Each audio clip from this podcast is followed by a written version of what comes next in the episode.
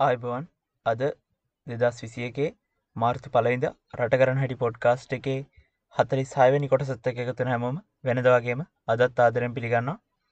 ඒ වගේම තමයි පොඩ්කාස්ටික හදලිස් පස්සනි කොට සත්ත එකතුුණු අපිත් එක අදහස් බෙදාගත්තු හැමෝටමත් වෙනදවාගේම ගොඩක් සුති කියලා කියන්නවන් අද පොඩ්කාස්ට් එකෙන් අපි කතා කරන්න බලාපොරොත්තු වෙන්නේ මැතිවරණ වියදම් ප්‍රකාශයට පත් කිරීම ගැන ඇතිවෙන්න ඕනි නීතිරාමු පිළිබඳව සහ රුසියාව ජනාධිපති පුටින්ට ලංකාවි තියෙන ආකර්ශණය ගැන.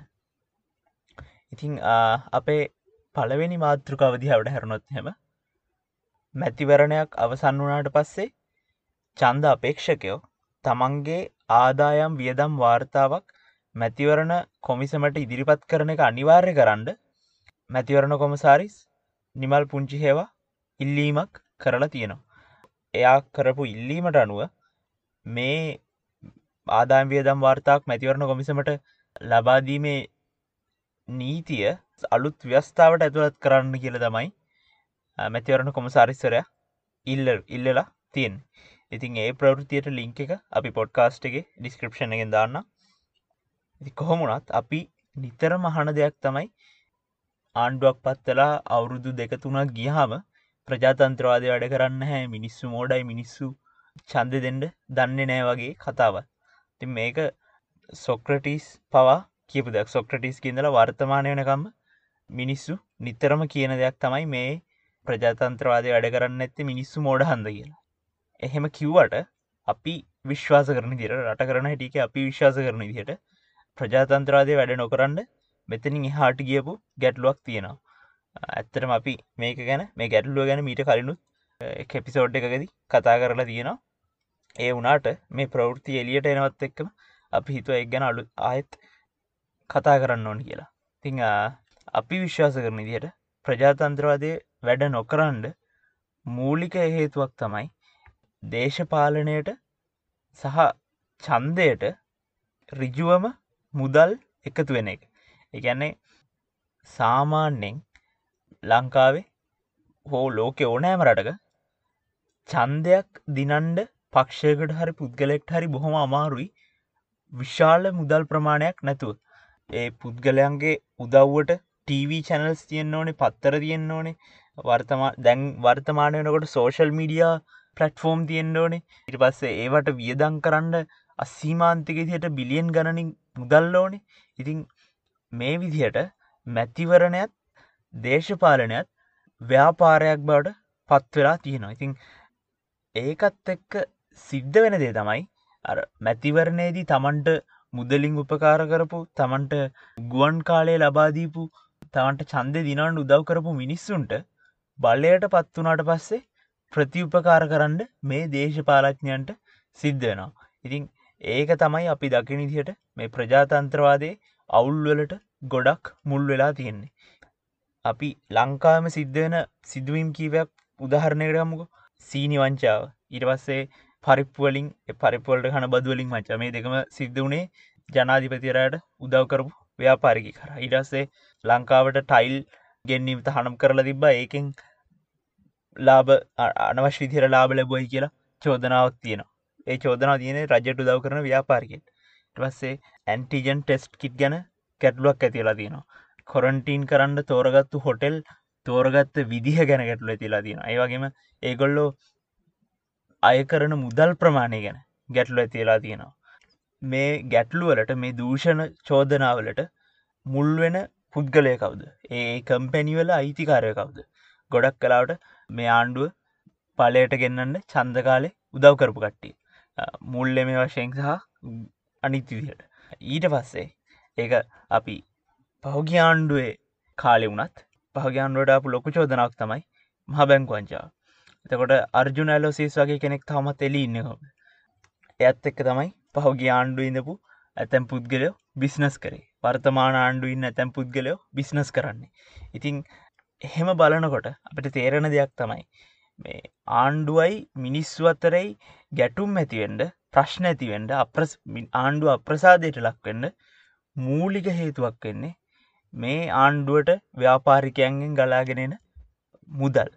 මොකද අපි කිව්වාගේ මේ චන්ද කැම්පෙන් වලට මිලියන් ගනන් වියදන් කරන්නේ පින් අතේ වැඩක් කියල හිතාගෙන නෙවෙයි ඒ ඒවා වියදං කරන්නේ ව්‍යාපාරිකයෝ ගොඩක් කලාවට තමන්ට යම් කිසි වාසියක් බලාගෙන තමන්ගේ ව්‍යාපාරයට යම් කිසි වාසියක් බලාගෙන. ඉතිං අපි විශ්වාස කරනවා මැතිවරණ වියදම් ගැන සහ අපේක්ෂකයන්ගේ ආදායම් වියදම් ගැන වාර්තාවක් මැතිවරණ කොමිසමට ලබා දෙන්න නීති හැදුවොත් එහෙම ඒක ගැන මීටඩි විනිවිධ භාවයක් තිබොත් හෙම අපේක්ෂකන්ගේ ආදායම් වියදම් ප්‍රකාශයට පත්කරොත් මිනිස්සුන්ට චන්දය දෙනකොට මීටඩිය පරිස්සං වෙන්න පුළුවන් කියලා මේ වාර්තාවල් දිහැ බලලා කෞද වැරදි පුද්ගලයන්ගෙන් සල්ලි ගන්නේ කෞද වැරදි පුද්ගලයන්ගෙන් සල්ලි නොගන්න කියලා මිනිස්සුන්ටම බලාගන්න පුළන් හැබැයි අන්තිමට තිබ මහමැතිවරණයේදී අපේක්ෂක කීප දෙනෙක් තමන්ගි කැමැත්තෙන් තමන්ගේ ආදායම් වියදම් ප්‍රකාශ කරා. ඒකට එක තුනෙත් බොහොම අතලොස්සක් විතරයි. ඒක අපි හිතන්න ඇත්තරම ප්‍රමාණවත් කියලා. හරිමනම් තමන්ගේ ආදායම් වියදම් ප්‍රකාශ කරන්න ඕනේ තමන්ගේ චන්ද වියදම් ප්‍රකාශ කරන්න ඕනේ. රටේ ජනාධිපතිවර අගමතිවරය විපක්ෂනායකවරයාගේ කට්ටිය එතකොට UNP එක ජVP එක වගේ ගොඩක් මුදල් තියෙන දේශපාලන පක්ෂ මිසක් වැඩිය කතාබහට ලක් නොවෙන දේශපාලන ස්වාධීන අපේක්ෂකයෝ නෙවෙයි. ඉතිං කොහොම හරි අපි හිතනවා මැතිවරණ කොමසාරිස්සරය මේ ඉල්ලීම කිරීමත් හොඳ පෙළඹීමක් කියලා. ඒ අලුත් ව්‍යස්ථාවක් හැදුනත් නැතත් අපි හිතනවා අඩුම තරමෙන් මේ මැතිවරණ වියදම් ගැන නීතියක් පාර්ලිමෙන්තුවට ගෙනල්ලා ඒක ඒක සම්මත කරානම් මීට ඇඩිය හොඳ ප්‍රජාතන්ත්‍රවාදයක් මිනිස් වෙන වැඩ කරන ප්‍රජාතන්ත්‍රවාදයක් රට ඇතුළේ අපිට දකින්න පුළුවන් වෙයි කියලා.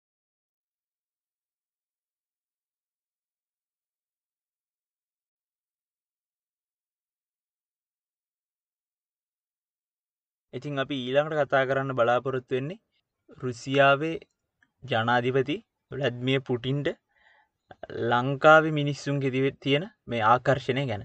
අපි නිතර දකින දෙයක් තමයි මේ රටේ මිනිස්සු බහුතරයක් පුටින් හොඳ රාජ්‍යනායකෙක් කියලා හිතනවා. පුටින් ගැන ගෞරවයක් තියෙනවා. ඉතිං මේක ලංකාවේ වාමාංචික මිනිස්සු හිතුවනම් ටිකක් සාධාරණ කියන්න පුළුවන්. එවුනට පොදුජන පෙරමුණගේ දකුණේ පක්ෂයකට චන්ද දෙන මිනිස්සුත් මෙහෙම හිතන එක අපි හිතනවා ටිකක් පුදුමයි කියලා ඒ ගැන පොඩ්ඩක් හේතුව හොයල බලන්න ඕනි කියලා අපි හිතනවා. ඉතින් මොකද අපි හෙම කියන්නේ? ජනාධිපතිවරණය වෙලාවේ අවස් අන්තිම ජනාධිපතිවරණ වෙලාවේ ලංකාවේ මිනිස්සු හෙව්වේ කාවද? ලංකාවේ බහුතරයක් දෙනා චන්දෙ දුන්නේ ගෝටාබේ රාජපක්ෂට ගෝටාබේ රාජපක්ෂව මාකට් කරේ පුටින් වගේ පාලකෙක් කියලා. ඒ හන්තමර ස්වාමීන් වහන්සේ නමුකුත් කිවේ ලංකාවට ඕන වෙලා තියෙන් හිටල ගෙනෙක් කියලා. ඒකැන්නේ රටේ මිනිස්සු බහුතරයක් හිතුවේ රිජු තීරණ ගන්න නායකෙක් ලංකාවට.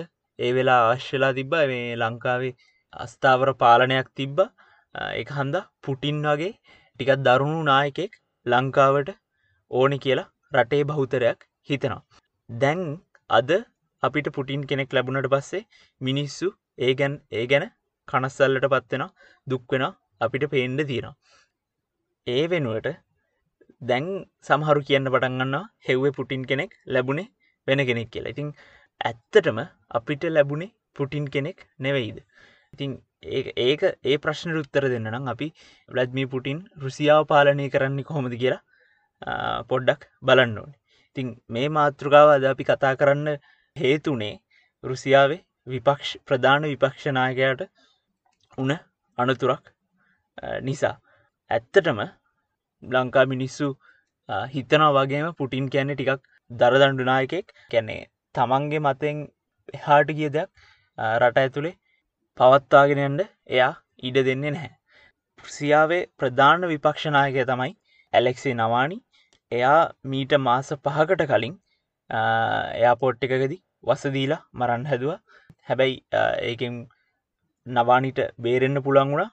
ජර්මණයට යව අරංගැන හිදියා හෙදියාව බේරගන්න පුළන්ගෙන හැබැයි ආයත් රුසියාවට ආව වෙලාවේ ඔහුව ඇප කොන්දේසි උල්ලංගනය කරා කියලා නවානිව හිරේදාන ඉතිං අපි කියන්න ඕන මේ මෙතෙන්දි අපි ගැන නවානික හො නවානි හොඳ මනුස්සෙක් කෙනෙ නෙවෙයි එයත් ප්‍රශ්න සාගත දේවල් කියලා තියෙනවා.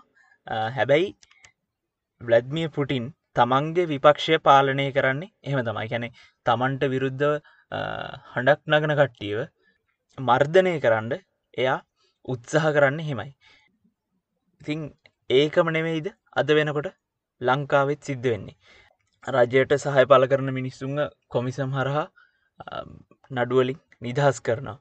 රජයට සහය පල කරන්න නැතිකට්ටියට කොමිසම් හරහා නඩු දාන ඉතිං ඒක පෘසියාවට වැඩිය ටිකක් පොතේ විදිහට හරි සිද්ධන කියලා කෙනෙක්ට කියන්න පුළුවන්. එ කොහොමුණත් රුසියාවෙයි ලංකාවේ දෙකේම වෙන්නේ.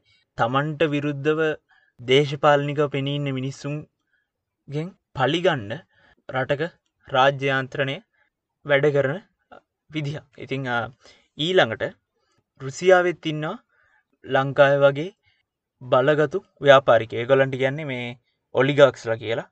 සෝවියට් සමූහන්ඩුව බිඳි වැටුනට පස්සේ එතන ඇතියෙන හිදැස පුරුවන්ඩ එක පාට්ටම විශාල බලයක් තිබ්බ රජයක් බිඳ වැටුන හම එතන ඇතිවෙන හිදෙස පුරුවන්නේ එක එක ව්‍යාපාරවලින් ඉහලට එන ව්‍යාපාරික. මේ කොලන්ට සුදු ව්‍යාපාර වගේ මේකැන හොඳ ව්‍යාපාර වගේම කළු ව්‍යාපාරත් තියෙන කළු සල්ලි උපෙන ව්‍යාපාරත් තියෙන ළමා මෙහෙකාර සේවය එතකොට ආයුධ වෙලදාම් වගේ ප්‍රශ්න සහගත වැඩ මේ ඔලිගක්ස්ලා කරන ඉතින් මෙයාල තමයි පුටින් පිටිපස් ඉඳගෙන මේ පාලනයට උදව් කරන්නේ. මේ ඔලිගක්ස්ල නැතුව පුටින්ටත් පුටින් නැතුව ඔලිගක්ස්ලටත් පැවැත්මක් නැහැ. ඉතිං අද ලංකාව වෙන්නෙත් ඒක නෙමේද? අද ලංකාවින්න සමහරක් ව්‍යාපාරිකයෝ නැතුව සමහරක් මාධ්‍යායතන සමහරක් ධනපතියෝ නැතුව රාජ්‍යනායකයට පැවැත්මක් තියෙනවද. රටයි රාජ්‍යනායකය නැතුව ඒ සමහරක් ව්‍යාපාරිකයන්ට සමහරක් මාධ්‍යායතනොලට පැවැත්මක් තියෙනවාද. ඉතිං එහෙම බලනකොට අපි හිතන්නේ ඇත්තටම අද ලංකාවට ලැබිල තියෙන්නේ පුටින් කෙනෙක් තමයි ඒ හොයපු පුටින්න අපිට ඇත්තටම ලැබිල තියෙනවා. වෙනස තියෙන්නේ මිනිස්සු හිතන තරම් පුටින් යටතේ ජීවිතය ලස්සනක් නැහැ දැම් පුටින් මේ ළඟදි ඩොලර් බිලියන් ගණනක අලුත් ගෙදරක් ගන්න හැබැයි රුසියාව ඇත්තුලේ මිනිස්සු අතර තියෙන ධනය බෙදීයාම විෂමතාවේ එන්ඩෙන්ඩ වැඩියෙනවා මේ වගේ ලංකාවේ මිනිස්සු හිතන තරම් හොඳ පාලනයක් රුසියාව ඇත්තුලේ නැහැ තිං අපි මේ කියන්නේ බටහිරට අල්ල පාලකය හොඳයි පුටින් නරකයි කියනක නෙවෙයි.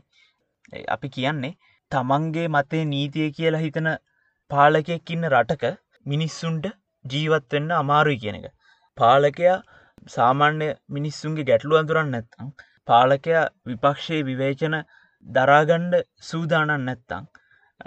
ඒ රට කොහොමද දියුණු කරන්න කියලා පාලකයට දැනගන්න විදිහක් නෑ ඒ ඒක තමයි අද ලංකාවට වෙලා තියන්න අද ලංකාවේ සංවර්ධනයට ගැටලුවක් වෙලා තියෙන්නේ පාලකයා මිනිස්සුන්ගේ ගැටලු හරියට අඳුරන්න නැතික සහ තමන්ට එන්න විවේචන හරියට දරාගන්න සූදානම් නැතිකම. ඉතිං අපි හිතන්නේ පුටින් කෙනෙක් කිල්ලලා පුටින්ව ලැබුණට පස්සේ දුක් වෙලා වැඩක් නැහැයි කියන එක. ඉතින් එහෙමනම් ඒ විදියට අදට අපි අපේ පොඩ්කාස්ට් එකේ හතලි සයිවැනි කොටස අවසන් කරනවා. පොඩ්කාස්ට් එකේ හතලි සත්තනි කොටසෙන් හමනකම් හැමෝටම අයිබෝවන්